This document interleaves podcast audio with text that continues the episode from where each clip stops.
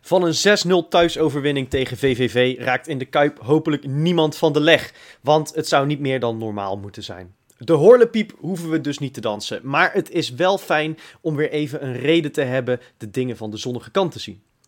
Deze week is het een jaar geleden dat we voor het laatst in een volle kuip konden zitten. Om de prijzen doen we inmiddels niet meer mee en zelfs Europa League voetbal halen wordt nog een hele opgave. Maar het opportunisme van de voetballerij heeft als voordeel dat we al die dingen deze week eventjes kunnen parkeren. Laten we het gewoon hebben over hoe Orkun Kuksu een volwassen interview aan VI geeft en steeds meer de schwung terugvindt die we van hem kennen. Laten we het hebben over hoe Le Charol Geertruida zijn levensmotto geen woorden maar daden zaterdag weerkracht bijzetten. Nog niet zo lang geleden speelden ze hun potjes gewoon op Varkenoord, maar inmiddels zijn ze de Feyenoord-spelers waarover iedereen het heeft. Positief en negatief. Maar ze lijken daar prima mee om te gaan en ze groeien steeds meer in hun rol. Zij zijn de spelers van wie we onder slot volgend jaar hopelijk nog veel meer gaan zien als ze weer op hun sterke punten gaan worden gebruikt. En hopelijk dan weer in een volle kuip. Dat is de aftrap van een gloedje nieuwe Kein Geloel. De enige echte podcast voor Feyenoorders door Feyenoorders. En die maak ik uiteraard niet in mijn eentje, want ik zit hier met Wesley. Freekie. En met Rob. Freekie. Misschien denken mensen dat ik, uh, dat ik me versprak of zo, maar ik heb dus dat interview met uh, Geert Truida gelezen in uh, Feyenoord Magazine. En je spreekt zijn voornaam, die, die hebben wij dus al die tijd al verkeerd uitgesproken. Het is niet Le Charel, het is Le Charel. Ja, maar het Freek, op Karel. dat heb ik bij jou al uh, best wel vaak het idee. Dat jij namen sowieso wel heel erg vreemd uitspreekt. Dat ligt gewoon echt aan jou. Ja, maar jij zet er, jij zet er ook Le Charel. Ik moet wel even wennen aan Le Charel, moet ik je eerlijk zeggen. Dus ik, ik noem hem gewoon Lutz, als je het niet erg vindt. Of Beertruida, ja. zoals Wesley. Uh, hè? Ja, of, je, of je steekt gewoon je, je, vingertje voor je mond. Dan weet ook iedereen uh, wie je bedoelt, toch? Ja. ja. Ja, dat is wel een beetje de nieuwe rage. Ja. Ik vroeg me, zou het echt puur te maken hebben met het aantal wedstrijden op de bank zitten? Wat? Nou, dat is een vingertje op uh, deze mondje. Vingertje nee, dat doet hij toch altijd? Dat is, zijn, dat is dat geen woorden maar daden. Ja, dat is sta, zijn, als die scoort sta ik hoorlijk te dansen, dan kijk ik toch niet meer naar, naar het beeld. Ik zie die goal zelf ja, Jij dacht dat hij... Jij dacht dat hij een dis aan advocaat deed? Nee, ik wist het niet. Hij deed het in de camera, maar ik had geen... Uh, ik, dat is de eerste keer dat ik het zag. Nee, hij, hij doet dat omdat hij dus inderdaad nooit in de, in de media praat en zo. Met dat, uh, met dat stotteren waar we het natuurlijk ook al ah. eerder over hebben gehad. En uh, hij ziet dat als een soort van gebaar voor geen woorden, maar daden. Weet je wel, ik, ik ouwe hoer niet over mezelf, ik maak gewoon weer een goaltje. Ja, Heerlijk. Ja, en, en, en, weet je, het is ook echt niet te geloven. Hè? Ik, ik zag een statistiek voorbij komen dat hij de eerste verdediger is die uh, vijf competitiegoals maakte in één seizoen. Sinds Ronald Koeman. In, in, in geloof ik 96, 97. Die maakte er toen negen. Nou ja, goed, Lutzi heeft er dan vijf. Maar die heeft er ook nog natuurlijk uh, één in de beker en één in de Europa League gemaakt. Dus het is niet te geloven ja. hoe makkelijk die het net vindt. En nou, uh, ik geloof ook al, als ik het goed zeg... Want daar heb ik ook een statistiekje voorbij van zien komen. Ik heb het toevallig voor mijn neus. Zes kopdoelpunten dit, dit seizoen, alle competities. Ja. Nou, zijn voorganger is Michiel Kraam met zeven. Hè? Uh, vijf, vijf jaar geleden. Dat, is, dat zijn ongekende statistieken, man. Ja, hij is dus ook opgeleid als spits eigenlijk. Hè? Tenminste, zo is hij gescout uh, als spits uh, bij Feyenoord. ja, maar ik heb... Dus, ik heb... Dat, dat, dat, komt ook niet zomaar uit de lucht vallen. Hij scoorde in de jeugd ook al gigantisch veel. Dat is waar. Nou, ja, voor, ik, ik, kan me herinneren dat op een gegeven moment onder 19... dat als het een beetje ja, noodsituatie was, stond 1-0 achter of het stond 1-1, dan moest iets geforceerd worden. Dan ging gewoon uh, Air Force One uh, mee naar voren. En uh, inderdaad, geen woorden maar daden, gewoon die bal erin koppen of knallen. Hè? Dat, dat deed hij gewoon hartstikke vaak. Ja, ja en hij heeft natuurlijk zondag eigenlijk gewoon weer het ongelijk van Dick Advocaat bewezen. Want het, kijk, hij speelde toen belabberd in Heerenveen, hè, daar niet van. Dus ik snapte dat hij een keertje moest banken. Maar het slaat nergens op dat Bart Nieuwkoop, van wie het contract afloopt, de afgelopen weken de voorkeur kreeg uh, op rechtsback. Nee. Um, want als advocaat inderdaad vindt dat ze elkaar niet zoveel ontlopen, ja, kies dan degene die af en toe een goaltje meepakt. Want daar schortte het nog wel eens aan ah, bij Feyenoord. Vind, vind ik makkelijk hoor. Tijd. Vind ik makkelijk. Kijk, zo'n Bart Nieuwkoop, daar zal Arnissen toch zoiets van hebben. Die heeft toch wel iets. En dat, dat vinden we allemaal, denk ik. Hij heeft wel iets. Maar je, je, hij heeft hem niet, niet goed genoeg aan het werk gezien, denk ik. Uh, dit seizoen om te kunnen beslissen van nou, daar gaan we mee door of gaan we niet mee door. Nou, dit was een perfect moment om Bart Nieuwkoop er een paar wedstrijden in te zetten. Om eens te beoordelen, gaan we met die jongen door, ja of nee. Nou, daar, ik, ik kan nog steeds kan ik me niet voorstellen dat Arnissen zeker weet of er een ja of nee op komt. Want zo'n goede indruk heeft hij ook niet afgegeven. Zou- dat ga je toch niet doen in een week dat je moet winnen eh, om, om aan te haken. Dan ga je toch niet zeggen van, goh, dat rechtsbekje van, eh, van wie het contract afloopt, die al, eh, wat is het, vijf jaar in het eerste Nee. staat. Kun je die niet even een paar wedstrijdjes Ah, nou, opstellen? nee, nee, nee, dat niet alleen maar. Maar dat heeft, heeft, dat er toch niet? heeft er wel mee te maken, denk ik.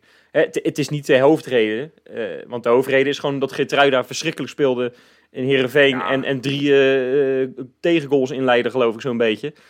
Eh, nou, overdrijf ik misschien een beetje. Maar die Maar was, die was toen meer- heel matig. Dat had je er meer kunnen wisselen hoor.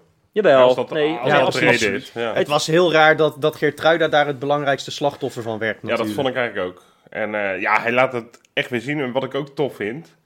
Hij, corners zijn weer leuk. Dat is sowieso hè, een winst als Beertruida erin staat.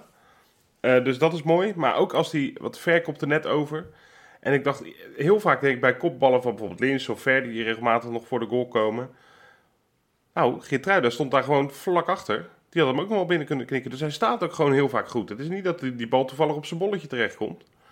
En, hij, Nee, het is en de gewoon, timing eh, bij die goal tegen eh, VVV was ook verschrikkelijk mooi, hè? Airtime had hij. Ja, ja dat is echt, eh, het is echt een kwaliteit. En daar moeten we heel, Heel blij mooi. mee zijn. Ja, heel tof. Ja, en ik vind het vooral tof, want hij is natuurlijk eh, vorig jaar een beetje in de ploeg gekomen voor het eerst.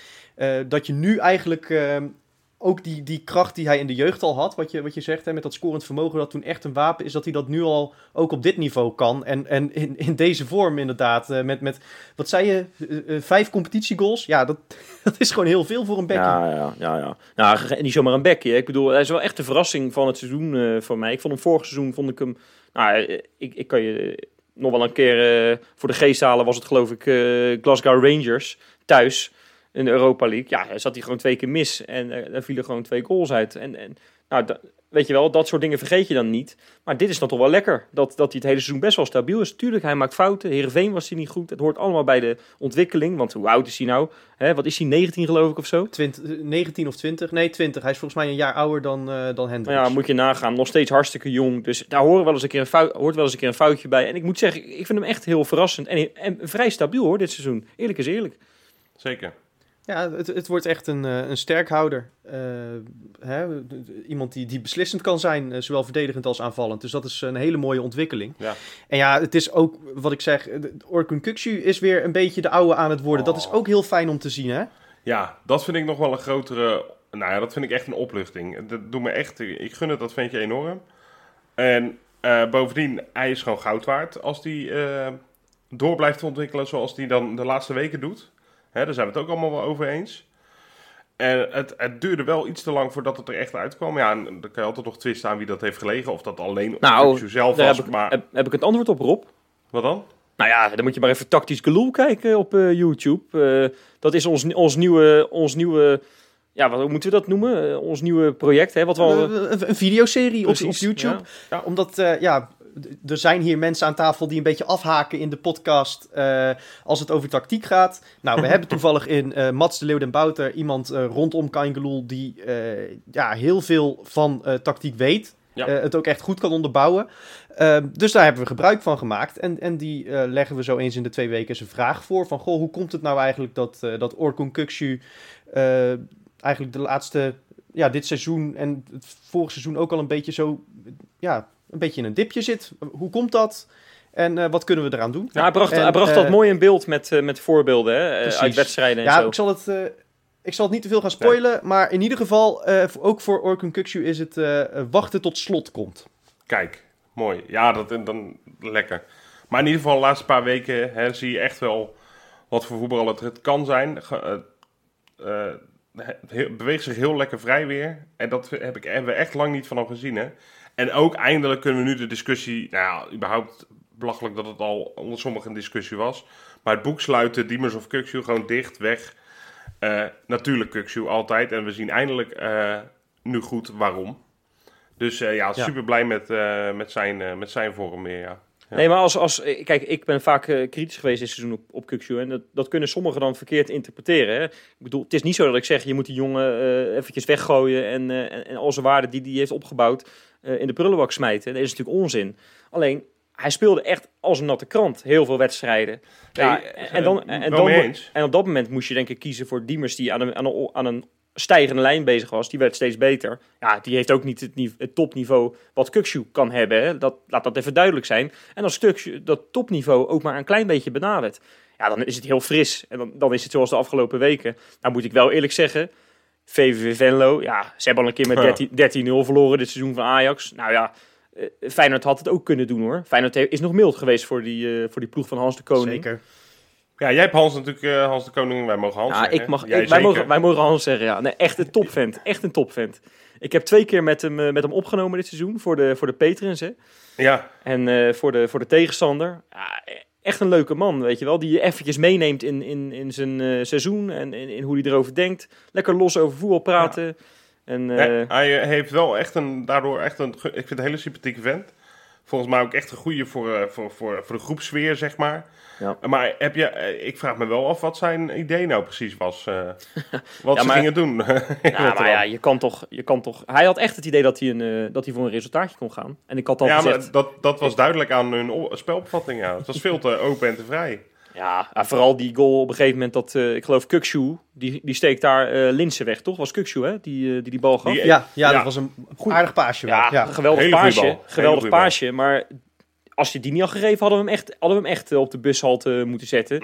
Want, want, want nee, maar er stond gewoon letterlijk, er lag wel er wat stond ruimte, gewoon ja. letterlijk geen verdediger van, van Nee, nee. Nee, klopt. Ja, Nee. het is echt niet te geloven. Als ik die Hans de Koning was, had ik, had ik nu al mijn contract ingeleverd. Want het is Maar echt wel, niet te geloven. wat wel fijn was als we even naar Feyenoord perspectief draaien.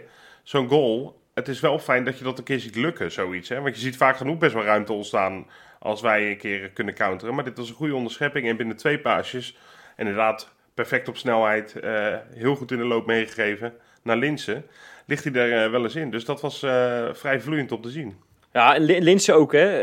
Eh, ook daar heb ik... Sta ik heb alleen maar statistiekjes voor je, jongens. Dat is niet te geloven. Ja, ik, ik haak echt weer af nu. Ik, nee, maar dit zijn, toch ik. leuk, dit zijn toch leuke Nee, statistiekjes? tuurlijk, hartstikke leuk. Hij heeft, en ik zal het heel simpel voor je houden. Je hebt een Janneke taal, Rob. Zes laatste eredivisiewedstrijden in de Kuip. Zes keer gescoord.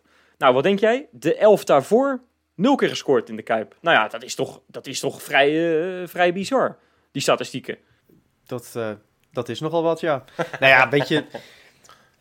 Linse eh, heeft zich wel echt opgewerkt tot een, een prima breedteversterking voor Feyenoord. Nou, Dus, en nou, nou, dat vind ik- gebeuren. Dan vind ik dat je weer, eh, weer eh, denigrerend doet. Kijk, dat je dat over... nee, hoezo? Nou, het is geen breed, het is gewoon de eerste spits op dit moment.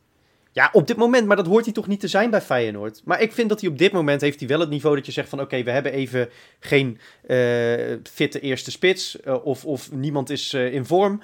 Eh, d- dan, dan vind ik dat op dit moment Linse dat acceptabel invult. En gewoon zijn goaltjes meepikt. Ja, en maar geef hem, geef en hem dan dat, de, de credits en zeg gewoon... doe hij is gewoon niet prima. de eerste spits van Feyenoord? Kom nou.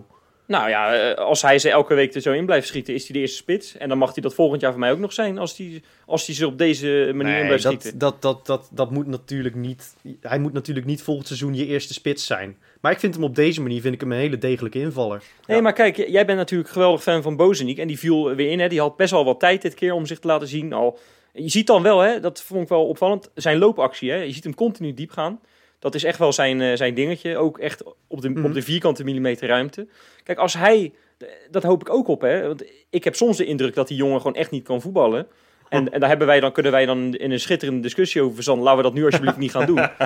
Nee, Maar, maar ja, hij heeft gewoon een- ja, af en toe denk ik, ja, die techniek, daar schort wat aan. Maar dan, ja, toch zie ik hem dan af en toe dingen doen dat ik denk, nou, daar kunnen we mee verder. En laat hem nou alsjeblieft eens Ja. een tijdje fit blijven. Laat hem zo meteen een keer een balletje inknallen. Laat hem eh, Precies. langere invalbeurten maken. En dan kan Arne Slot er zo meteen mee aan de slag. Ja, en als het dan echt niks is, nou ja, goed, dan zien we wel weer verder. nee. Maar wat me, wat me een beetje stoort is inderdaad dat, dat, dat advocaat nu in principe... eh, die jongen speelt anderhalf jaar bij Feyenoord. En advocaat heeft anderhalf jaar lang gezegd van... ja, dit is iets voor de volgende trainer. Ja. En dat heeft me gewoon altijd een beetje gestoord. Ja. Want je, je kunt de speler niet zo lang aan het lijntje houden. Maar ongeacht of het nou Bozeniek wordt of dat we eh, iemand gaan halen voor die positie. eh, Linse moet normaal gesproken niet je eerste spits zijn. Maar op de- dit moment vult hij het prima in. Ja. Dus daar heb ik geen klachten over. hey, jongens, er is mij nog wat opgevallen. Ik wil het even van het hart. Oh, het is natuurlijk, je. Freek zegt het net in zijn aftrap. Het is natuurlijk een jaar geleden dat we voor het laatst echt een uitverkochte kuip hebben gehad. Alleen nu met die spandoeken, ja, je kan zeggen het doet niks. Nou ja, daar zet ik zo een beetje mijn vraagtekens bij. De laatste twee thuiswedstrijden van Feyenoord, Willem II, hebben we ze op de kloten gegeven. En eh VVV Venlo 6-0. Ja, eh, dat kan geen toeval zijn, denk ik. Nou, die spandoeken hangen er al een tijdje, hè, Wes? Ja, Nee, maar, nee, maar, nee, nee, maar het begint nu echt uitverkocht te raken. Hè? Ja, je kan zeggen Ja, wat dat je is wil. waar. Je kan zeggen wat je wil. Nee, maar oprecht, ehm, ja, misschien afgezien van een Field Lab stadion hier en daar, is met dank aan die, die geweldige Ja. actie van, eh, hè, van, van de Feyenoorder onder andere, eh, is de Kuip al het hele seizoen het meest sfeervolle stadion van Nederland. Eh, En, en dat vind ik echt knap, eh, terwijl er eigenlijk niemand bij mag. We, hebben ook goed, we hebben ook goed gelobbyd, hè? Want we hebben, we hebben een beetje contacten bij Fox. We hebben gezegd, als je nou die interviewjes doet na die wedstrijd... Kijk, Gelul eh eh, spandoek in beeld, hè? En daar houden ze zich netjes aan. ja, daar houden ze zich Ja, dat doen ze aardig. Ja. Dat doen ze aardig. Ja. Dat is netjes. Ja, Ja. nu moeten ze wel nog overmaken, maar goed, dat is het tweede. Ja, Nee, maar eh, je hebt helemaal, helemaal gelijk, Freek. Ik, eh, ik zei het toevallig van de week tegen mijn vrouw, die helemaal heel weinig om voetbal geeft. Die vindt Feyenoord nu wel leuk, omdat ik er al heel, heel lang voor ben. Eh, maar die zei het ook, die zag wel dat hij op tv, zo'n shot van eh, naar ESPN. En die zei, ja, kijk, zo, maar zo is het nog wel acceptabel om naar te kijken. Want die vindt voetbal kijken in een stadion heel leuk. Dus die gaat graag een paar keer mee naar de Kuip. Als het eh, weer mag straks, hopelijk ook. Maar die vindt voetbal op tv sowieso geen donder aan. En nou, nu zonder publiek kijkt ze sowieso geen seconde meer. Maar hier kon ze toch wel even naar kijken. En dat is gewoon omdat je wat te zien hebt, eh, denk ik dan. En het ademt inderdaad toch een bepaalde sfeer uit. ik, moet, ik moet ook Ja. wel zeggen, de, de stadiongeluiden... Daar vind ik toch, ben ik toch eigenlijk ook wel blij mee. Want als dat af en toe valt het een keertje uit, dan is dat bandje klaar. Dan moeten ze dat bandje omdraaien, weet je wel. Alsof het een oud cassettebandje is. Dan merk je toch echt wel het verschil van... Ja, dat is wel echt eh, niks. De Ja, we hebben natuurlijk ook al wel wat rare blunders mee gehad eh, Ja. dit seizoen. Nou ja, ik zag van de week, zat ik eh, geloof ik naar eh, VVV eh, Vitesse te kijken, die bekerwedstrijd. Of andersom, Vitesse VVV. Werd keihard mijn Feyenoord ingezet, eh half, halverwege. Feyenoord is overal. Dat, is gewoon, dat blijkt maar weer. Dat, eh, Dat, dat zal dan, dan zullen ze toch niet die band hebben gepakt van Vitesse Feyenoord in, eh, in Oh ja. 2017. Nou ja, dat- dat was natuurlijk ben- ook in het Gelredome. Daar maar ben ja, ik dus, dat, dat denk ik dus wel, Freek. Dat denk ik dus wel. ja. hey, overigens, eh, nu we het toch over die spandoek hebben, nog even tot slot. De KNVB, of u weet, of weet ik veel wie dat beoordeelt, die gaat het nog wel druk krijgen natuurlijk de komende weken. Want eh, Wat dan? ja, volgens mij is het nog steeds zo toch dat er een bekerfinale gespeeld gaat worden in de Kuip. ja. Wat gaan ze met al die doeken doen dan? Moeten die allemaal beoordeeld worden? Of, eh, Nee, ja, die, Nou, dat is niet de UEFA lijkt me. maar nee, zal dat zal de KNVB KNVB. Maar die gaan toch niet Maar allemaal die gaan we natuurlijk niet... Die gaan, die gaan we toch niet weghalen voor Nee. fucking Ajax en Nou ja, VVV? luister, of wie staat er in Vitesse? Vitesse. Ook geel-zwart. nee, maar ja, ze, ze spelen, ze spelen die, eh, die bekerfinale maar lekker ergens anders. Ja, dat ben ik, ik ben het helemaal met je eens. eh. Nou ja, Ja, het, Ja, ja, tenzij er een groot het op zich bedrag, voor- eh, groot bedrag tegenover Ja. staat. Dan, dan, vol- volgens mij vi- vindt het stadion, zeg maar de stadion Ja. NV het wel prettig om, om die inkomsten nog te hebben eh, dit jaar. Denk ik zomaar. Maar, eh, Anders doen ze in Spanje wat ze in Spanje doen. Dan faken ze het publiek erop voor een keertje. Maar als die doeken gewoon blijven liggen. ja, jij zegt Spanje trouwens. Eh, ja, wat, eh, wat gebeurt er eigenlijk in Spanje, Rob? Nou, in Spanje weet ik niet. Maar ik kan je wel wat andere dingen vertellen. Bakens in de vette. Jongens, eh, deze keer, normaal eh, ben ik lui, of, of, of Jopie te ijverig, eh, wat je, hoe je het ook wil noemen. Dan krijg ik een heel lijstje van hem. En nu zei ik vanmorgen tegen Jopie, nee, ik, ik wil het even zelf doen. Ik wil zelf mijn eigen top 3 nu samenstellen. Dus de bakens is deze keer echt van Robberoes en niet geleend van Johan of overgekopieerd. Ben je nog tot bepaalde conclusies gekomen? Is het echt zwaar om te doen bijvoorbeeld? Hè? Dit, zo die, dat hele Excel-lijstje afgaan? Nou, dat doet Jopie wel vermoeden, hè? Ja, dat heb ik soms Maar- van wel, ja. Kwartiertje ben je er doorheen, joh. ja Dus is ik zal maar het, hè? zeggen, Ekrami, nul gehouden. Nee hoor, nee, geintje. Nee. nee, ik heb een top 3. uiteraard, gewoon. Was het- Eh, Was het een teleurstellend weekje of was het een, een, een lekker weekje? eh, ik had niet heel veel te kiezen. Ik denk dat ik een shortlist met vijf misschien had. Maar de top 3 maar, eh, kiezen was, was makkelijk. Ja, Royston Drent is Nou, bijvoorbeeld net, net afgevallen. Die scoorde weer voor Moes, ja. Maar op drie. Ah, dat is op zich eh, goed nieuws voor hem dat hij weer is afgevallen. Ja, precies. Ja, ja. Nou, die is fit hoor. Dat is, daar moet, kan je echt lachen. Ja? Dat is echt niet te geloven. Die heeft een blokjesbuik, eh, vriend. Daar worden wij jaloers eh, Dat, dat, op, maar dat, dat heeft hij dan op zich snel gedaan, want zo zag hij er een paar maanden geleden niet uit. Nou, dat, die foto's zijn een beetje opgeblazen. Maar hij, hij, Oké. hij is altijd, al, al een heel jaar is hij best wel fit. Dat is geen Ja, gein. Oké, nou dan, dan Hey. neem ik mijn woorden terug. Jongens, als ik zeg Wigan Athletic, wat zeggen jullie dan? Ja, George Johnson. George Johnston. Ja, ja, ja, ja, ja. Ja, die eh, speelt op League One. Ik wist niet dat het weer een zo laag. Ik dacht dat ze een niveautje hoger. Maar derde niveau in Engeland spelen die. Staan, eh, stonden, moet ik zeggen, tot dit weekend stijf onderaan. Maar hebben zomaar 3-0 gewonnen van ongeveer de lelijkste club van Engeland. En dat is eh, natuurlijk de MK Dons. Hè, die, die, Ja, die verschrikkelijk. nepclub, eh, eh, zijtak van Wimbledon ooit. Phoenix FC. Phoenix Ja. FC, mooie bijnaam. Een soort Sparta. En George Johnson heeft daar gelukkig met zijn companen gehakt van gemaakt. 3-0. En daardoor zijn ze van de laatste plek af. Natuurlijk sowieso belangrijk. Ja, was een, eh, ik heb hem even teruggekeken. Het was een prima kopballetje. Eh, de ba- bal kwam voor vanaf links en eh, werd nog aangeraakt onderweg. Van, ik denk een metertje of 12, 13. Kopt hij heel netjes het eh, vrije hoekje, het verre hoekje binnen. En keeper Hoor je dan die van Geertruida? Nee, de airtime van Gitruida, die, die, die, die verslaat... Ja, George Johnson hoefde er tegen, kon er tegenaan lopen. Hoefde niet Het, is, het zegt wel genoeg dat de nummer laatst van de League One hem graag wil huren. Hè? Dat er niet een club is die net even wat hoger speelt, die dan interesse voor zo'n jongen toont. Dat ja, maar misschien... wel kijk, genoeg. kijk ik, ik wist niet dat Wigan League One speelde. Misschien wist Arnissen dat ook niet, hè? Joh, je kan niet alles weten. Maar dat was wel zijn allereerste profgoal ooit, hè? Van, Ja, eh, van ons Sjorske. Ja, van ons Sjoske allereerste profgoal. Ja. En, en nu dus van de laatste plaats af. En het is daar heel spannend. Nog 13 wedstrijden te gaan. En staan weliswaar één en laatste. Degraderen er vier. Maar ze staan maar één punt eh, onder de streep. En dan jongens, we gaan eh, naar het altijd mooie en zonnige Bulgarije. Ja, dan kunnen er twee zijn. Ja. Eh, Ja, ik- Ludo Gorets. eh, Ja, Dat ik heb, het. Roberta? ik denk dat, ja, ja, Roberta, denk ik ja. Nou, nee. Dat meen je niet. Nou, wacht even, laat me uitpraten. Op twee, Elvis Manu. oh, ja, jongens. tuurlijk. Ja. Ja, ja. Ludo Gorets, koploper, acht punten los inmiddels. eh, door een eh 1-4 overwinning. Manu speelt daar echt niet alles. Valt wel regelmatig wat in. Af en toe zijn basisplaatje, maar ook af en toe helemaal niet. Nu viel hij dus in. Na een klein uurtje en vier minuten later prikt hij de 1-2 erin.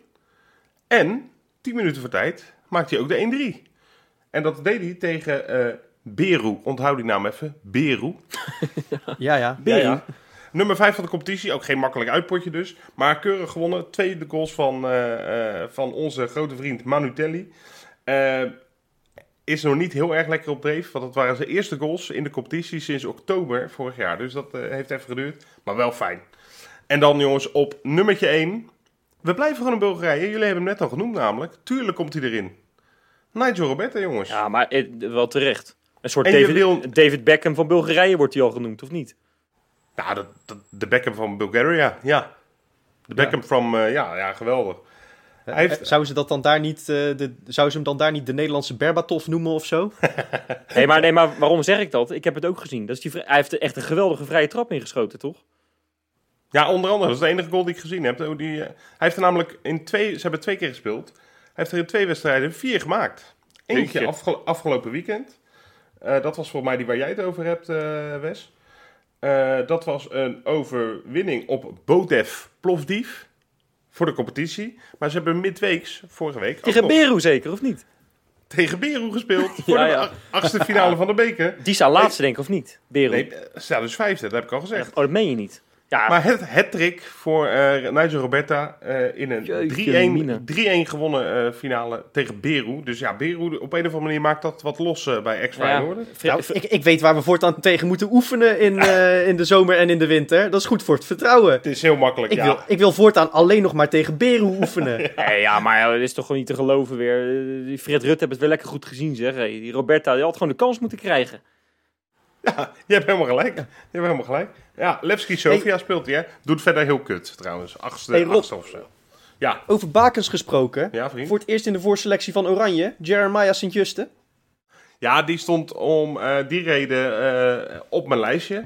Maar heeft pover gepresteerd eh, in de competitie. Want als je gelijk Nou ja, speelt tegen dan denkt- Schalke, maar- dan, dan, dan, dan doe je echt iets fout, hè?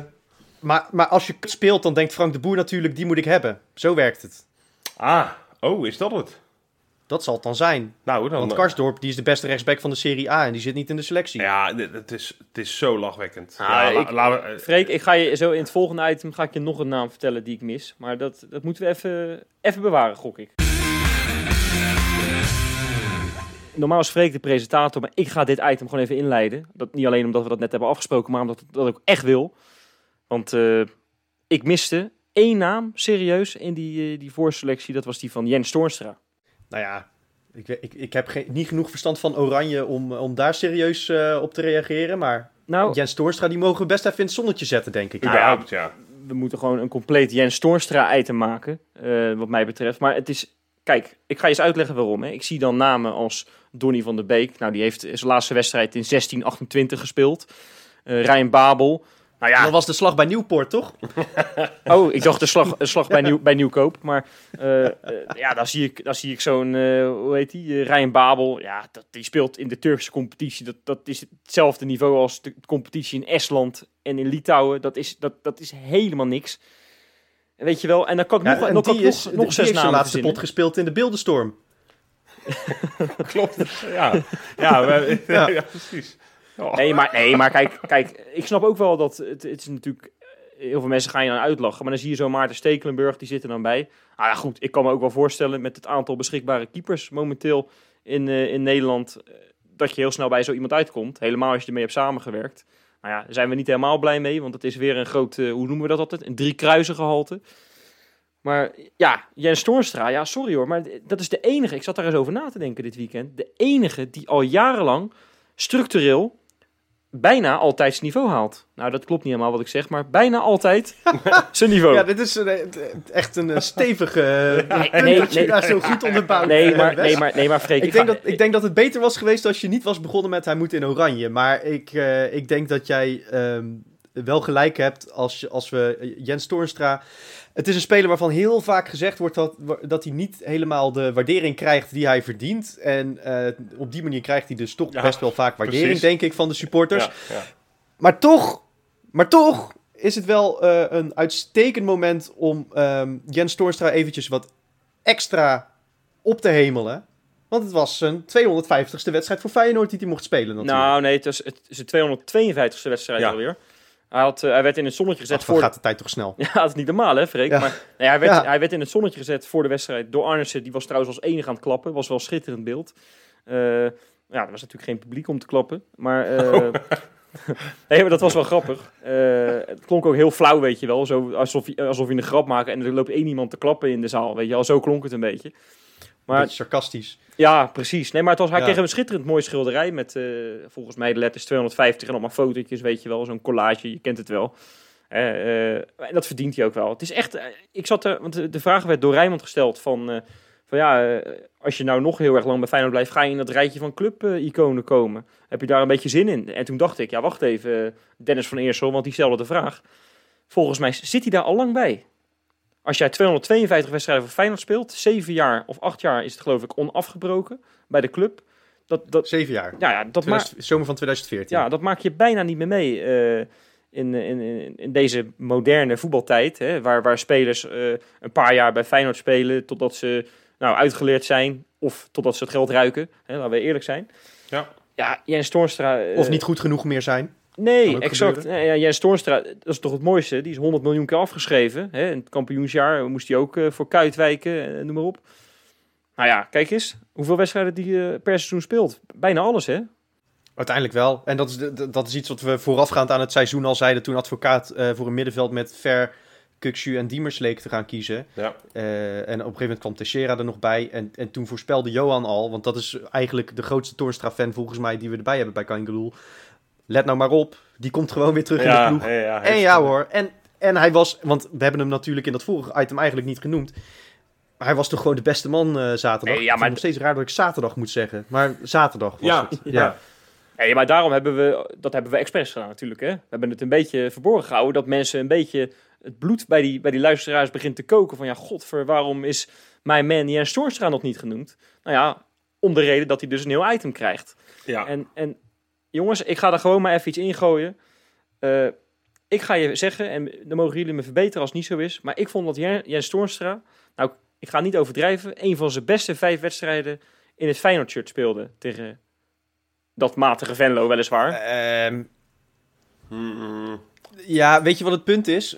Het zou zomaar kunnen dat jij een of ander statistiekje hebt eh, wat dat aantoont. Hè? En dan zijn paaszuiverheid die heel erg goed was en zijn schoten op doel en zo. En dan, dan zou het allemaal onderaan de streep best kunnen kloppen.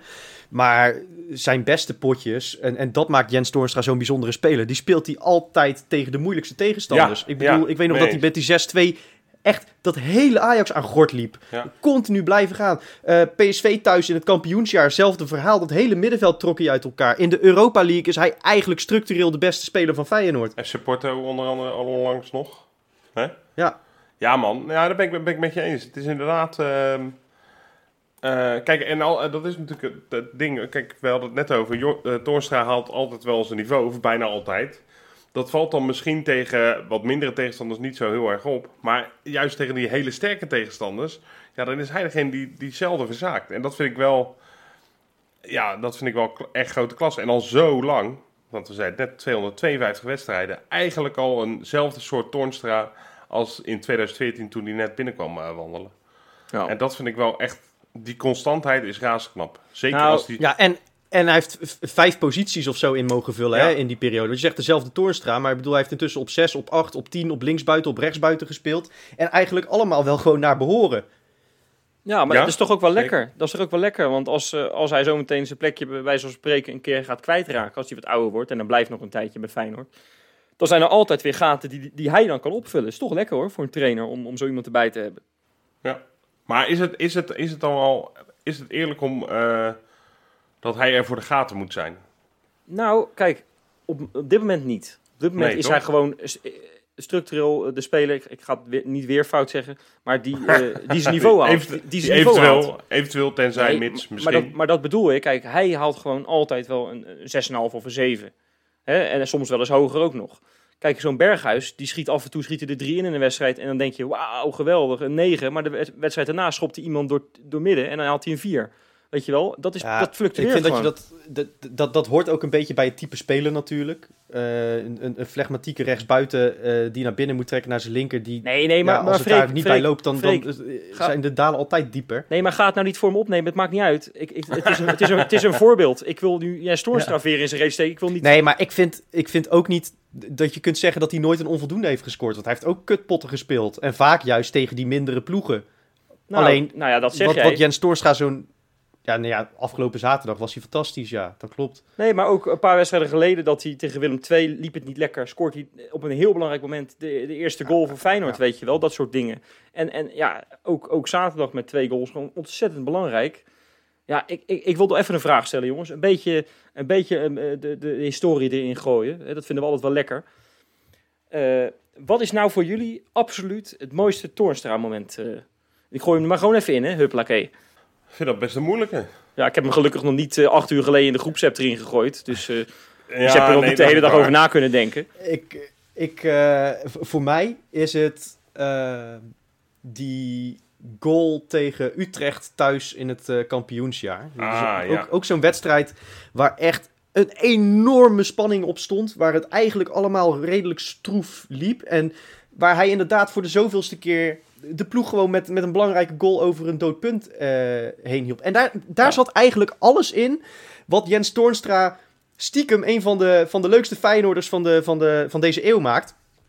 Want één, hij loopt zich het schompens om op tijd bij die bal te zijn. Dat is Een hele lange bal van achteruit van eh Botteguin die werd verlengd. Maakt er gigantisch veel meters.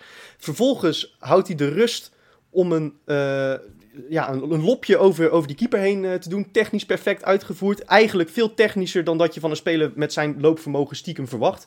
Want op de een of andere manier bestaat nu eenmaal het idee dat spelers die hard werken automatisch niet kunnen voetballen. En vervolgens rent hij naar de boarding, springt erop, toont zijn spierballen en dan, dat is het mooiste, daarna schrikt hij van zichzelf dat hij denkt van ja, wat ben ik nou eigenlijk voor een verschrikkelijke act aan het opvoeren.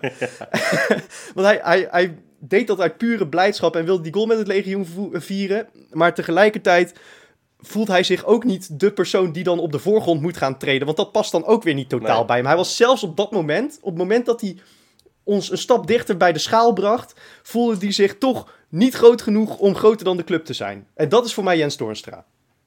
Nou, Nou. ja, moet ik hier nog overheen dan? Nou ja, natuurlijk moet je er overheen. Je moet ook, jij, moet- Nee, jij, jij hebt nee, toch ook nee. een moment, of niet? Ja, nee, ja, ik, ik, t- eh, natuurlijk wel. Ehm, maar dat is voor mij gewoon puur, puur de goal. Dus dat gaat niet eens over de persoon of over, of over het karakter van Toornstra. Maar ik heb één...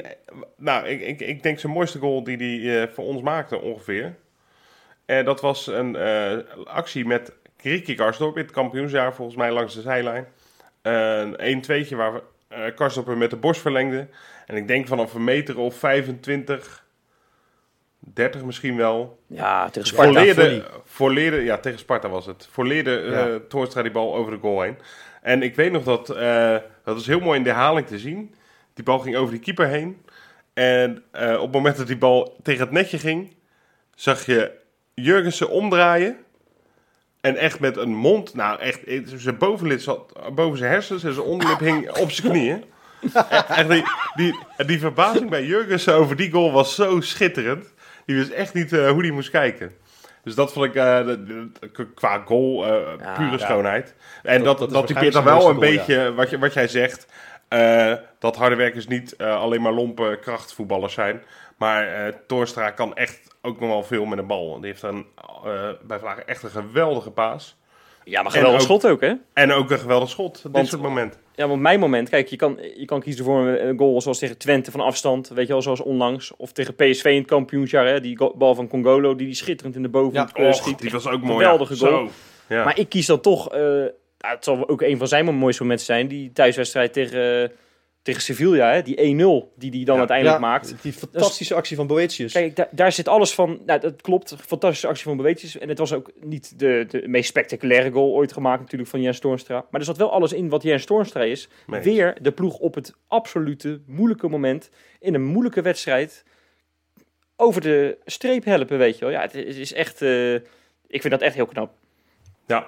Het, mooie is ook dat, dat misschien wel door, dat, eh, door die persoonlijkheid eh, van hem, eh, ik bedoel, hij, hij is ook in, in, met zo'n loonoffer, maar ook in interviews überhaupt, altijd heel realistisch en, en lijkt een beetje boven het voetbal te staan. En dat bedoel Ja. ik niet alsof hij dan arrogant is, maar gewoon, hij kan dat allemaal ook van een afstandje bekijken en in perspectief plaatsen. Dat hebben vrij weinig eh, Ja. voetballers. Maar hij, heeft eh, ook, hij zit ook bij, eh, bij Dirk Kuyt, zit hij bij de Dirk Kuyt Fo- Foundation, weet je, als ambassadeur. De- is die heel, als je dat ziet, die, die plaatjes, eh, hè, want ik doe dat natuurlijk voor de Insta Inspecta, ik doe dat natuurlijk vaak, eh, zie ik dat soort plaatjes voorbij komen op, op de Insta. Echt, die geeft die, die kindjes een dag van hun leven. En eh, dat is echt schitterend om te zien, weet je wel. Dat is echt iemand die, die de waarde van het leven gewoon eh, kent, heb ik het idee. Nou ja, Ja. eh, sommige voetballers zijn alleen maar bezig met eh, euromuntjes. En, eh en Ja, Jens je, hebt- Toornstra, je, ja. noemde, je noemde net iemand die wel in de voorselectie van Oranje zit. eh, die op Instagram staat met plaatjes over hoe je zo min mogelijk belasting eh, kunt Ja. betalen. Terwijl Jens Toornstra zal misschien zeggen... Jens Toornstra zal misschien eerder zeggen van... ik wou dat ik wat meer belasting kon betalen... zodat ik ook mijn steentje kon bijdragen aan de zorg, bijvoorbeeld. Op die Nou ja, manier. Ja, Nou, nou ja, hij, dat- hij heeft, hij heeft jaren geleden natuurlijk al een keer gezegd. Hè, ik, ik, ik vind dat mijn vrouw of vriendin was het toen nog volgens mij, die dus in de zorg werkt. Ik eh, vind dat wij zwaar overbetaald worden als voetballers en dat zij zwaar onderbetaald worden. Ja, en is afgelopen tof- zomer toch, dat eh, interview? Ja, nou was het uh, zo kort geleden? Ja. Oké. Ja, want het ging ook over corona toen. Ah, oké. Nou, daar heeft hij Ja. denk, nou, het was wel echt voor corona waar ik het over heb. Dus heeft hij dit gewoon een keer herhaald nog. ja. Maar zijn punt is natuurlijk niet meer dan terecht. Nee. Maar ik vind het tof dat je dat gewoon uitspreekt. Want meer vo- voetballers zullen dat als ze even reëel kijken naar hun loonstrookje toch ook wel moeten vinden. En maar ik daarom snap ik ook niet, want ik, ik ben het helemaal met je eens namelijk. Ook wat Freek zegt, jullie staan echt de spijker op zijn kop wat mij betreft. En daarom vind ik het raar dat hij die band nooit om heeft gehad. Ja, misschien incidenteel een keertje, maar niet eh, gewoon eh, standaard. Ik heb het vorige week al gezegd. Hè, het was het ideale moment om, eh, om Berghuis die band af te pakken. Niet dat ik nu zeg, nou ik gun het Berghuis niet. Maar dan gaat hij naar Leroy Fer. En dat vind ik een prima voetballer. En, en eh, hartstikke mooi dat hij terug is gekomen. En eh, echt iemand met ervaring. Maar Jens Toornstra, kom op man. Er is geen... Het is echt een icoon aan het worden in, in die Kuip momenteel. En Die verdient die band. Ja, alleen, alleen ik, ik, ik weet niet in hoezeer, hoezeer... Misschien is Toornstra daar nou ook wel heel eerlijk over. In hoezeer hij er echt op zit te wachten om aanvoerdersband eh, te dragen. Ik zou het niet weten. Ik weet niet of het type is die aanvoerder wil en kan zijn. Maar natuurlijk verdient hij wel op basis van zijn hele presteren en eh Het geschiedenis zou een hele wel. logische aanvoerder zijn. Ik maar het ik heb niet het idee... eh, ik heb, ik, ik, ik- aan de andere kant is hij misschien ook juist door die bescheidenheid ehm, niet zo'n handige aanvoerder. Alhoewel dat bedoel ik eigenlijk. dat natuurlijk zelf ook wel een beetje had. Ja. En eh, hè, op een gegeven moment bereik je een status dat, dat je een soort van natuurlijk leiderschap hebt. Maar ik weet niet, ik weet niet hoe hij dat in de, in de groep... Nee, dat durf ik Heeft. niet eh, dat vind ik altijd lastig in te schatten. Ehm, maar ja, als je er als supporter eentje zou moeten aanwijzen... Dan, dan vind ik het heel logisch als je bij Toornstra uitkomt. Ja, hebben Hij heeft, hem denk ik, hij hij heeft hem denk ik nooit gehad... omdat hij elk seizoen weer begint als beoogde wisselspeler. Ja, ja. Ja, het zou Ja. kunnen. Het zou kunnen. Ik zat, gaat- Maar, gaat- maar daarom, daarom is het wel interessant om nu deze discussie te voeren. Als we het toch hebben over zijn aanvoederschap. Zijn, eh, er ontstond natuurlijk een beetje een kleine discussie afgelopen dagen. Eh, Slot heeft al met Berghuis eh, gesproken of hij niet wil blijven. Nou, heeft nog niks gehoord. Eh ontstond een beetje discussie van moet hij zijn contract niet gaan verlengen, want dat loopt eh, na volgend seizoen af. Eh, goed, dan is hij al 33. Maar dat, dat is misschien wel interessant. Laten we, laten we de vraag gewoon zo stellen. Ja. Moet hij zijn contract deze zomer verlengen? Ja, ik, ik denk dat ik het momenteel... en natuurlijk, we hebben wel wat middenvelders. Hè. Weerman is nu verhuurd aan Lucien. Waarvan ik hoop dat hij, als hij terugkomt, eh, het echt kan gaan laten zien. Wouter Burger mm, twijfel ik aan, maar het zou ook nog wel kunnen. Ehm, maar ik zie Toornstra er wel heel graag bij blijven, ja. En eh, dan moet je misschien wel afscheid gaan nemen van een andere eh, middenvelder. Ik, maar ja, zo dik zitten we nou ook niet momenteel. Eh, nee, maar het is ja, iemand... Ik zou het voorlopig echt nog wel graag... Ik zie hem echt nog makkelijk drie seizoenen gewoon van waarde zijn voor ons. Hoor. Nee, maar kijk, nu, we hebben, je, je- ik had het net, had ik, zei ik het, hè. Het is iemand die zometeen, als hij misschien niet meer helemaal zeker van zijn plek is, hè, dus over één of twee seizoenen, dan die gaten kan gaan opvullen, dan is hij misschien geen basisspeler meer. Maar zit hij er wel vast bij, maakt hij elke wedstrijd zijn minuten. En, en wie weet knokt hij zich dan toch wel weer Nou, gewoon terug, hè. Ik bedoel, eh, zoals... Toornstra kennende, als hij gewoon fit blijft, gaat hij ook gewoon weer... Ook al, ook al bepaald slot in het begin van het seizoen van eh, ik zet je ernaast. Die knokt zich echt wel weer terug. Dan ben ik inmiddels ik, wel ik, vind het toch ook wel, ik vind het toch ook wel belangrijk bij Feyenoord dat we toch een beetje die identiteit eh, blijven houden. Eh, het rood- het rood-witte bloed dat stroomt, heb ik het idee, niet door elke eh, speler heen. Hè. Er zijn wat spelers die, die hebben zoiets van nou eh, twee jaar en dan, Ja. dan, dan ben ik wel weer weg. En, en Toornstra heeft dat, heeft dat echt heel erg. En dat, daar hou ik wel van. Ja, eh, toch heb ik daar ook wel een beetje mijn, mijn twijfels bij eh, de houdbaarheidsdatum van Toornstra. En eh, weet je, als hij me logen straft, dan, dan is dat één, zien we dat allemaal van mijlenver aankomen, want dat doet hij altijd. En twee, ben ik alleen maar blij mee. Maar het is natuurlijk wel... Kijk, een van de mooiste anekdotes rondom Toornstra vind ik dat toen hij pas bij Feyenoord kwam... en toen, toen was hij al een van de fitste spelers van de competitie. Dat ze toen ontdekten dat hij astma heeft. En toen Ja. hebben ze hem daar wat medicijnen voor gegeven. Toen, toen, toen was hij al helemaal eh, bij alle conditietests eh, de, de, de koploper. Bizar, hè? Ehm, Maar hij is natuurlijk wel een speler van wie de fitheid van, van heel groot belang is voor zijn, eh, hè, voor zijn bijdrage aan het elftal. En daarmee zeg ik inderdaad niet dat hij niet kan voetballen, maar ja, als hij straks die explosiviteit een beetje verliest en, en, en dat, dat loopvermogen, want dat, dat komt nu eenmaal met de jaren een keer, dan vraag ik me wel af of zijn basistechniek en zijn traptechniek goed genoeg is om nog onbetwist basisspeler te zijn. Nou, zijn traptechniek sowieso. Er is bijna niemand, ik denk alleen eh, Berghuis die een betere trap heeft dan eh, Toornstra. Die schiet ze er van hoek, alle hoeken en standen in, man.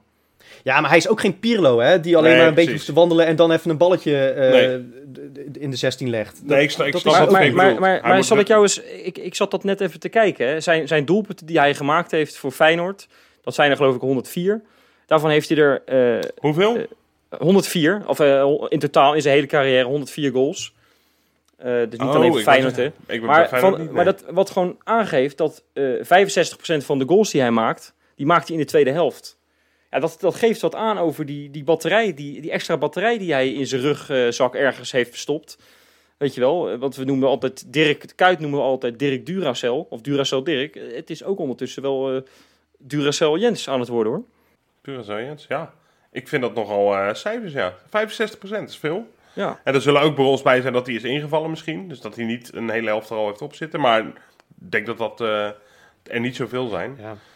Ja, hij- wat dat betreft, maar ik ben wel, ik, ik snap wel wat Freek zegt. Bij mij is het ook meer, eh, hoe noem je dat? De wens is de vader van de gedachte. Dat Toornstra het nog drie jaar op, of vier jaar op, op deze manier vol kan houden. Maar hij moet het natuurlijk wel inderdaad niet alleen hebben van, eh, van zijn paasjes en zijn eh, weg, wegsturen van eh, Ah. de buitenspelers. Hij wil ook, geloof ik, een functie eh, in het voetbal en vooral bij Feyenoord. eh, eh, eh, hij wil bij Feyenoord, Feyenoord wil hem geloof ik behouden, hè? In een, in een Ja, andere functie een na zijn carrière. waarschijnlijk. Hè? Ja, precies. Ja. En, en Ja. weet je wel, dan denk ik, hij wil niet meer per se naar het buitenland. Dat wilde hij wel altijd. Nou, nu niet meer.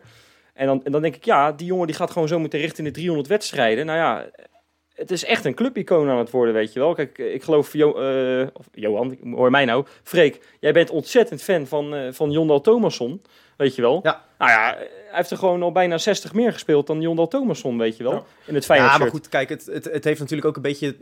Zoiets heeft ook met impact te maken. Ik bedoel, hij heeft er eh, tien keer zoveel gespeeld als Guidetti, om er wat te doen. Ja. Maar ik denk dat heel veel supporters eerder Guidetti noemen als hun held dan Jens Toornstra. Ja. Nou, het heeft held of clubicoon ja. is misschien ook wel zijn twee verschillende dingen. Hè? Ja, precies. Kijk, het niet- clubicoon... ja. Ik, ik, weet niet, ik weet niet of ik hem een clubicoon vind. Maar ik vind wel dat... ehm, nou, we hebben het in, in deze periode... En, en we hebben het sowieso al een tijd lang... als supporters met elkaar over... eh, welke kant Feyenoord op moet. Hè? Eh, visie technisch en...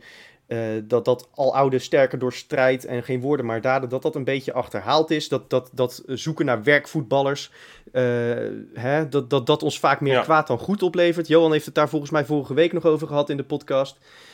Maar volgens mij is Toornstra een perfecte blauwdruk van wat een, een Feyenoord voetballer die al die traditionele waarden in zich heeft eh, ehm, vertolkt, Mooi. maar tegelijkertijd wel geschikt is voor het moderne voetbal.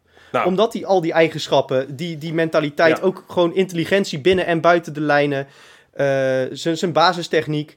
eh, Ja, maar echt intelligentie, zijn- multifunctionaliteit, Ja. eh, hè, want hij kan op al die, al die posities uit de voeten en, en allemaal naar behoren. ja. Ehm, dat, dat totaalpakketje, dat is wat een Feyenoord voetballer zou moeten zijn. En ja, dan, je kunt niet elf Toornstra's opstellen, maar ik denk dat je een, een heel eind komt hoor. Door naar een wedstrijd die zomaar een typische Jens Toornstra-wedstrijd zou kunnen worden. Hè, tegen het eh, volgas voetbal van eh, PSV. Eh, we spelen in, in Eindhoven, begrijp ik. Ehm, maar het is de vraag natuurlijk of we überhaupt, als we straks ESPN aanzetten, iets van die wedstrijd gaan zien. Want? Nou ja, of het wel uitgezonden wordt. Ba- Bas Nijhuis fluit. Oh. Dus dan weet je dat de spotlights op hem gericht zijn. Oh ja, en op, en op Smit natuurlijk. Ja. Want die hebben altijd ruzie, toch? Ah, dat is zo. een beetje het ding, hè? En Wel een beetje, eh, ja, een beetje circus als ik daarnaar kijk. Ik vind het wel leuk ook hoor. Die Bas Nijhuis, elke, elke, die komt om de drie weken geloof ik bij Veronica aan site. En dat is meestal als wij aan het opnemen zijn, dan moet ik het daarna moet ik het terug gaan kijken. Maar ik vind dat wel lachen. Ik denk, ja, eh, eerlijke scheidsrechten, weet je wel. De, die jonkies die nu doorkomen, heb ik toch een beetje het idee van, nou... En die Bas Nijhuis, ja, hij laat iets te veel doorgaan hè, Hij soms. gelooft ook wel heel erg in zichzelf, hè? Ik vind het een verschrikkelijke vent. Ja, ik, ik, vind het echt- Ik, ik vind het ook niet echt... eh, ja, Hij is toch lekker uniek, man. Hij is toch lekker uniek, joh. Ik zie, ik zie nou weer... Ja, maar kom op. Laat de scheidsrechter vooral lekker eh, de wedstrijd de hoofdrol eh, laten spelen. En niet eh, de grote meneer Nijhuis show ervan maken. Dat vind ik altijd zo scheidirritant bij hem. En ehm, nu zie ik wat mensen een beetje... Ja, eh, hoopvol misschien wel eh, reageren van... Nou ja, Nijhuis tegen Schmid. Dan zul, zal hij wel lekker in het voordeel van Feyenoord gaan fluiten. Of dan ontstaat er lekker... Maar dat, dat, dat, werkt, dat kan ook enorm in je nadeel gaan werken natuurlijk. Laat ons gewoon lekker een topper spelen. Ja, precies. Je moet dat gedoe er helemaal niet bij willen hebben. Nee, mee Het draait godverdorie om ons hoor, als wij tegen PSV spelen. Niet om, om, niet om een of ander omhooggevallen trainertje uit, eh, uit Duitsland en een, een scheidsrechtertje uit eh, bijna Duitsland. Nee, ik ben het wel een beetje met je eens. Ik, ik vind Nijhuis... eh, nee, die, die, die wil heel graag zijn eigen stempel op een of andere manier toch drukken. Eh, ofwel door hoe hij in de media het doet, vervolgens door overal en ergens te gaan zitten. Of, eh, ja, ik weet niet. Hij is heel uniek gemaakt ook. Het is gemaakt allemaal. Het Ja, is geen authentieke... ook wel een beetje hè. Het is, ja, precies. Het is, geen, het is helemaal geen authentieke Nou, vent, volgens mij. Ik zit, even, ik zit even na te denken, maar eh, Freek zit vaak te klagen over dik advocaat. Vorig jaar moest Jaap Stam, eh, dat was al de meest verschrikkelijke peenvogel van de wereld. Als wij die Roosje Smit voor de groep hadden staan, Freek. Nou, dan weet ik zeker, eh, nou, dan weet ik niet of hij nog in deze podcast had verschenen. Oh jawel, nee, juist, want dan was het eh, mijn missie geweest om daar zo snel mogelijk een einde aan te maken natuurlijk. Ik, ik, ik denk Nee, dat. Arne Slot volgend jaar ook na drie wedstrijden, als het niet goed gaat, eh, gezien Nee, is, nee, nee, nee, nee, nee, nee, dat is, dat is gewoon echt niet waar. Ik heb best wel geduld met trainers, alleen dan moet, moeten ze wel aantonen ze dat ze ergens mee bezig zijn. Dit komt vanuit Ja. een diepere Nou ja, laag, kijk, denk ik. Jij hebt gewoon moeite je met straks- autoriteit. Dat is het. Dat is het. Dat is het, Freek. Nee joh, nee joh, houd toch op. Ik, eh, ik was met Van Bronckhorst was ik altijd hartstikke geduldig. Eh, maar ja, kijk, als je alles anders wil gaan doen, dat is prima. Je mag bij Feyenoord eh, mag je best iets opbouwen, maar of bouw iets op, of zorg dat je presteert. En het liefst allebei natuurlijk. En Stam deed geen van beide. En Dick Advocaat doet momenteel ook geen van beide. Mee eens. Ben ik met je eens. Maar goed, dat, dat is allemaal aflopende zaak natuurlijk. Ja, PSV precies. uit, toppertje. Alhoewel, ja. Ja, toch wel. Hè? Is gewoon een topper. Ja, kijk, het- ik- ik, geloof niet meer zo in plek 2. Hè? Nee. Eh, ik, ik weet dat, dat Johan daar echt nog wel eh, vol voor wil gaan. Je heet Jopie Ik- Positivo, hè? Heet hij, hè? Ja, precies. Eh, maar laten we wel gewoon zorgen dat we deze winnen. Want wie weet wat er dan nog kan gebeuren. Zo is het ook wel weer. Is, en eh, bij PSV rommelt het momenteel natuurlijk. Even Ja. één ding. Is Bijlo er weer bij? Dat is de vraag, hè? Ja, dat is wel pech voor die vent, hoor. Pech voor die vent? Keer... Ah, dat is geen pech meer. Eh, Als jij... eh Tuurlijk wel. laatst het, uit- in, hij heeft 42 wedstrijden gespeeld, hè? Sinds dat hij eh, ooit zijn debuut heeft gemaakt bij Feyenoord in 2018. In diezelfde periode is hij 51 wedstrijden geblesseerd geweest. Ja, dat, dat is geen pech. Ja, hij heeft, hij heeft sowieso twee hele zware blessures gehad. En eigenlijk sinds hij terug is van die laatste... hij, heeft, hij kreeg meteen weer een tik van die Willem II'er. En daarna bij AZ kreeg hij ook weer een tik. Op, op dat been waar hij geblesseerd aan was. Dus het is toch ook niet heel gek dat hij er nu weer niet bij is. Even, eh, de vraag was natuurlijk, gaat, gaat Bijlo spelen? Ik heb geen idee hoe het ervoor staat eigenlijk. En ook eerlijk gezegd niet heel erg zicht op wat hij nu mankeert. Eh, Ja. Behalve niet helemaal fit, maar, Maar- wat dan? Het maakt toch niks uit wat hij doet. Of hij de komende 70 wedstrijden goed speelt. Frank de Boer eh, lijkt met die oogkleppen die hij nog steeds heeft... alleen maar richting Amsterdam te gaan. Daar zat hij weer lekker onderuit gezakt... als een soort assistent-trainer van de Amsterdammers. Hè. Johan heeft er Nou, trouwens ja. een, eh, een lekkere column over geschreven op onze website. Hè, met Ja. het, even het Calimero-hoedje opgedaan en eh, eventjes eh, zijn frustraties van zich afgeschreven. Dat is wel lekker. Ja, en, en, en het geldt niet eens alleen voor Feyenoord hoor, maar voor meer andere clubs. Maar het, het is vervelend dat je, dat je inderdaad als Bijlo en een goede reeks, wat hij al eerder heeft gehad natuurlijk, dat je dat wel heel erg moet gaan benadrukken in de media en eh, dat je er heel veel aandacht voor moet vragen. Wil de bondscoach daar een keer eh, dat in overweging nemen? En als je een maand vakantie viert in Istanbul, eh, dan word je wel opgeroepen gelijk. Daar hoeft niemand je te van overtuigen. Dus dat is inderdaad irritant. Nee, ja, precies. En ook Geertruida en zijn nog geen enkele keer in beeld geweest. terwijl ze toch echt, in, in, juist in wedstrijden waar het erom gaat, uitblinkers waren. Hè? Bijvoorbeeld PSV thuis was Geertruida fantastisch. Nou ja, hij staat weer in de basis, want zijn concurrent is geblesseerd. Ja, Dat, dat wordt weer interessant om te zien eh, of hij over die, eh, die rechterflank weer zo kan gaan opstomen en zo beslissend kan gaan zijn. ik vind PSV Feyenoord altijd moeilijk te voorspellen. Merk ik. Nou, zal ik je dan nog even wat tijd geven? Want dan ga ik gewoon Ja. even naar de, naar de Insta, Rob. Heerlijk, ja.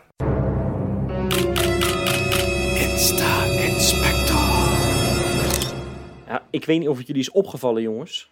Eh Urkan Kukcu, die heeft vaak, ik heb het vorige week nog gezegd, sokjes op half negen. Hè? Mhm. Maar wat denk je? Ja, misschien luistert hij wel gewoon. Had, gewoon die sokken, had hij gewoon die sokken tot aan de knie hoor. En voor mij hoeft het niet, want ik vond het wel le- leuk en het zag er wel eh, karakteristiek uit. En dat heeft hij ook even een tweetje aangeweid, sokjes hoog. En eh, nou ja, hartstikke leuk toch? Ja, top. Ja, ja. ja, we beginnen matig hè, we beginnen matig. Ja, ja, ja. Langzaam op, eh diesel. Langzaam opbouwen. Nou, kijk, dit, dit is dan niet officieel Insta. Het heeft wel op Insta gestaan, maar het komt eigenlijk uit het Feyenoord magazine. Maar Oh. die fotoshoot die onze gladiator uh, Senezi heeft gehad... Ja, met, met, de- met de fotograaf van het Feyenoord magazine, die, was, die had er zin in, denk ik. Hè? Die, Die kwam- was on fire. die was echt zijn bed uitgestapt met, met, een, met een soort missie van... ik ga eventjes naar de verkleedwinkel. Ik haal daar alles wat ook maar met de gladiatorenstrijd te maken heeft... haal ik uit die winkel met een schild en met een zwaard. En, en die heeft, dat hele stuk heeft hij aan flarden geknipt. Dat is niet te geloven. Droomparken trouwens nog schitterend. Eh, eh Ja, dat, gladgestreken. dat zal wel contractueel bepaald zijn, inderdaad. Gladgestreken, ja? Ja, Ja, glad, mooi. gladgestreken, dat kon je nog prima zien. Het, alles eh, het Feyenoord-logo was half eh, aan, stukken gescheurd, maar, maar het Roomparken was nog prima te zien. Ja, mooi.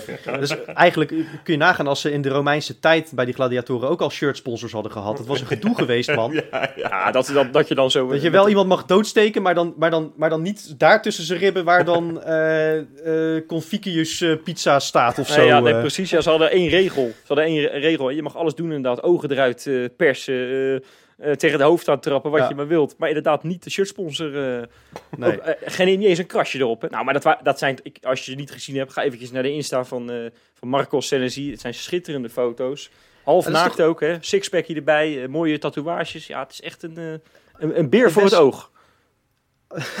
Best, misschien, misschien, misschien schat ik ons iets te hoog in hoor. Maar herinner ik het mij goed dat wij die bijnaam een beetje hebben bedacht voor hem, Gladiator?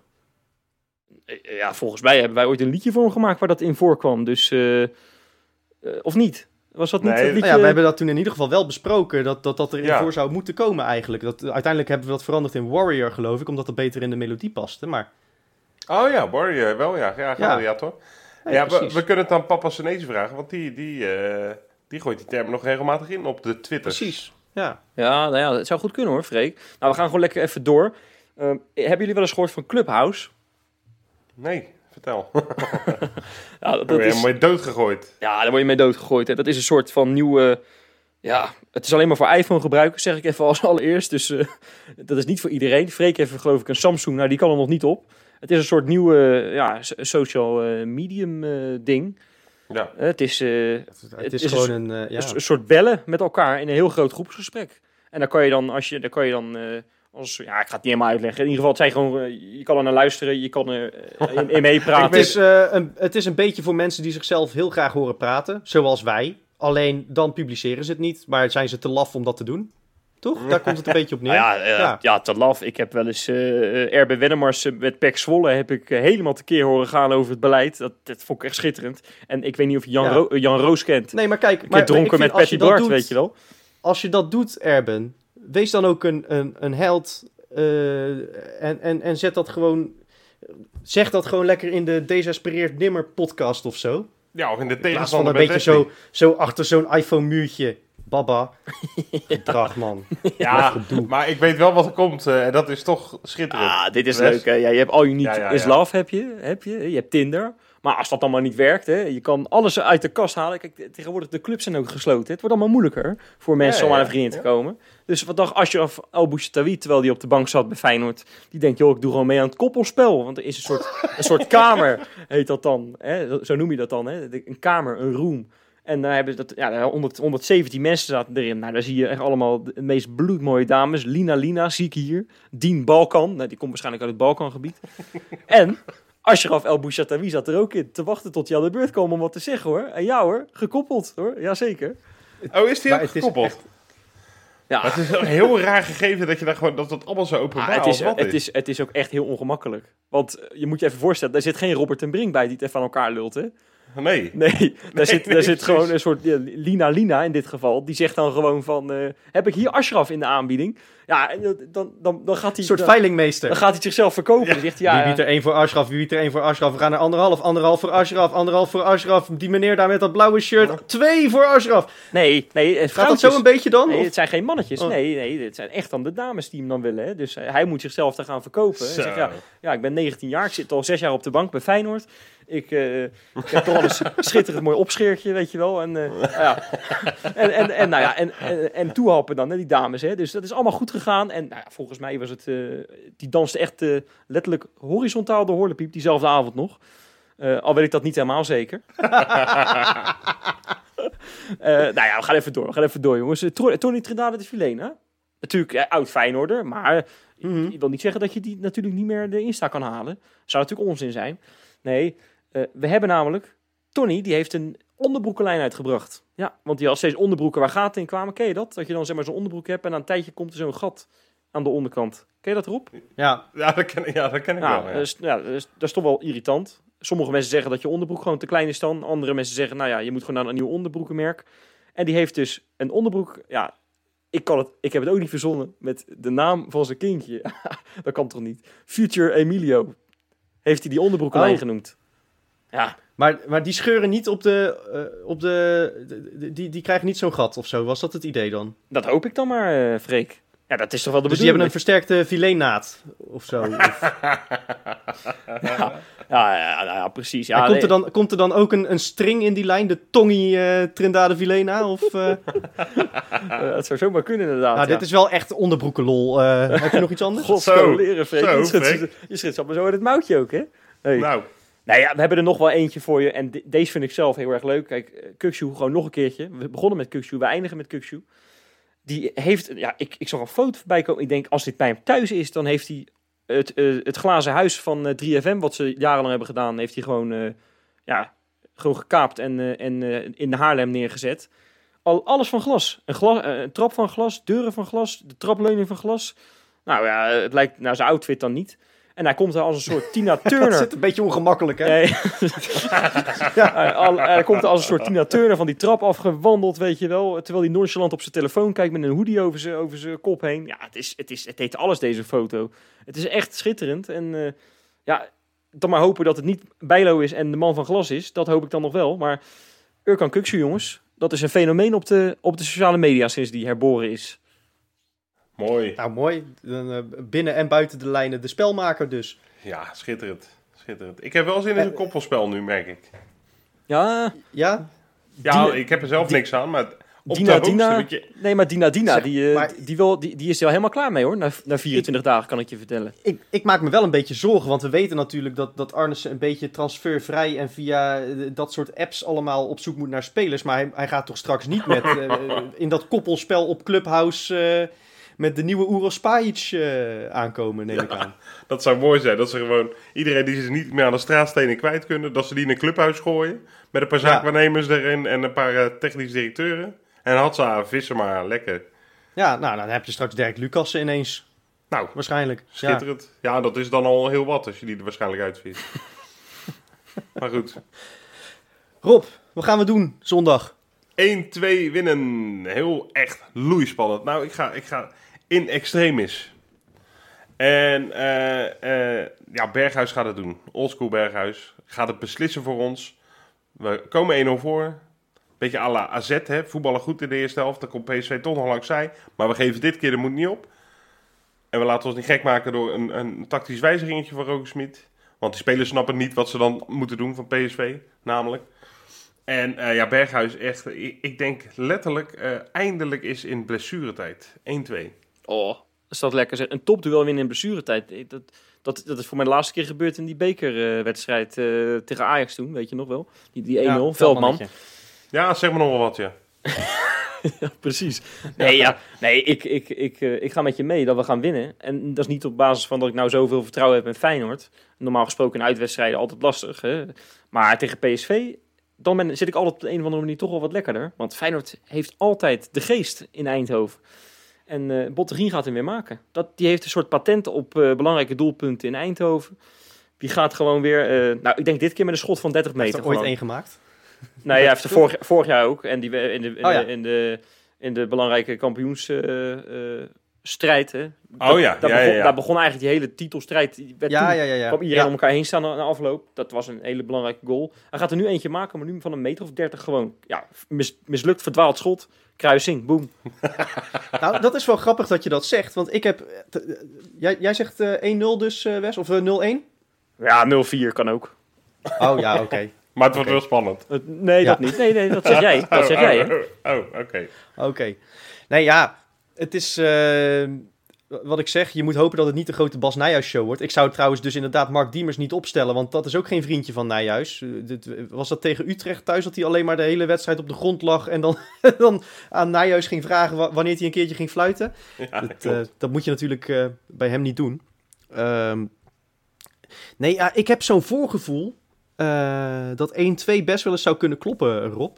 ja, maar ik- terecht. Ik heb het idee dat Kukshu gaat scoren door een vrije trap die als voorzet is bedoeld, die gewoon door niemand wordt aangeraakt en erin stuitert.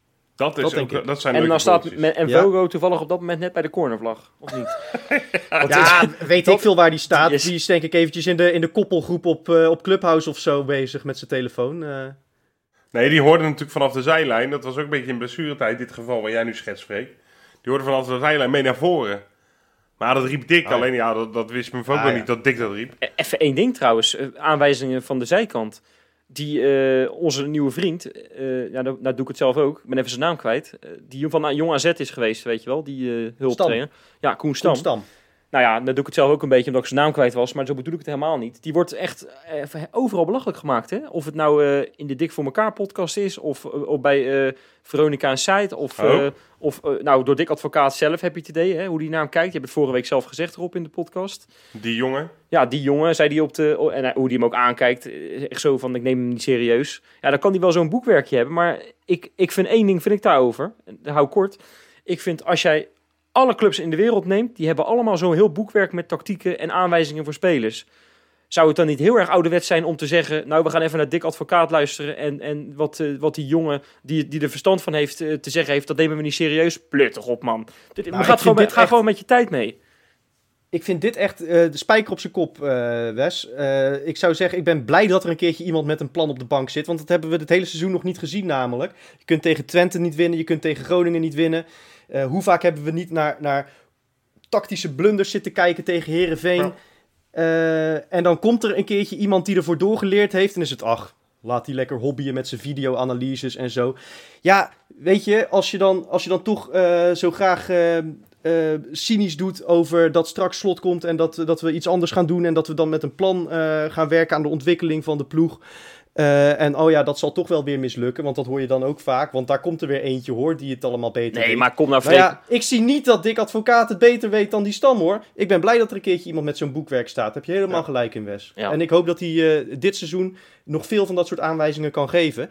Ehm, want dan dwarrelt dus inderdaad allereerst die vrije trap van Kukshu erin. Eh, en dan vervolgens, bij het volgende dode spelmoment, ook in blessuretijd... dan eh, geeft eh Geertruida die kopt de bal terug... en dan loopt Bozeniek er tegenaan met zijn rechter tepel. Ah, En dat komt gewoon door de goede positionering... omdat Stam al die variantjes klaar heeft. kijk. Lekker. Nee, goed punt, Wes. Helemaal met je eens. En eh, ik heb ook nog één boodschap. De Petrens. De nieuwe Peterens. Dat zijn, er weer, dat zijn er weer miljoenen, hè? Ja, ja, maar ik ga, ja, eh, wegens tijdgebrek, we zitten er bijna doorheen, ga ik er maar twee noemen. Oké. Ja. Eh, en dat zijn deze week Kim van den Berg en eh, BZN. BZN. Hij heet Bas, maar hij heeft geen achternaam, dus ik dacht, Bas zonder naam, toch wel grappig. Hè? Geintje op Ja. de tijd. Bas, welkom Bas. Bas, welkom. Kim, ook welkom. Jullie gaan er Ja. hopelijk van genieten van eh, eh, je lidmaatschap. Ja, dat klinkt een beetje stom. Maar van eh, dat je erbij hoort en zo. Tof. Welkom bij de club. Welkom bij de club. En eh, hopelijk zie ik jullie, of wie, wie hier dan ook zitten volgende week, weten wij eigenlijk nog niet.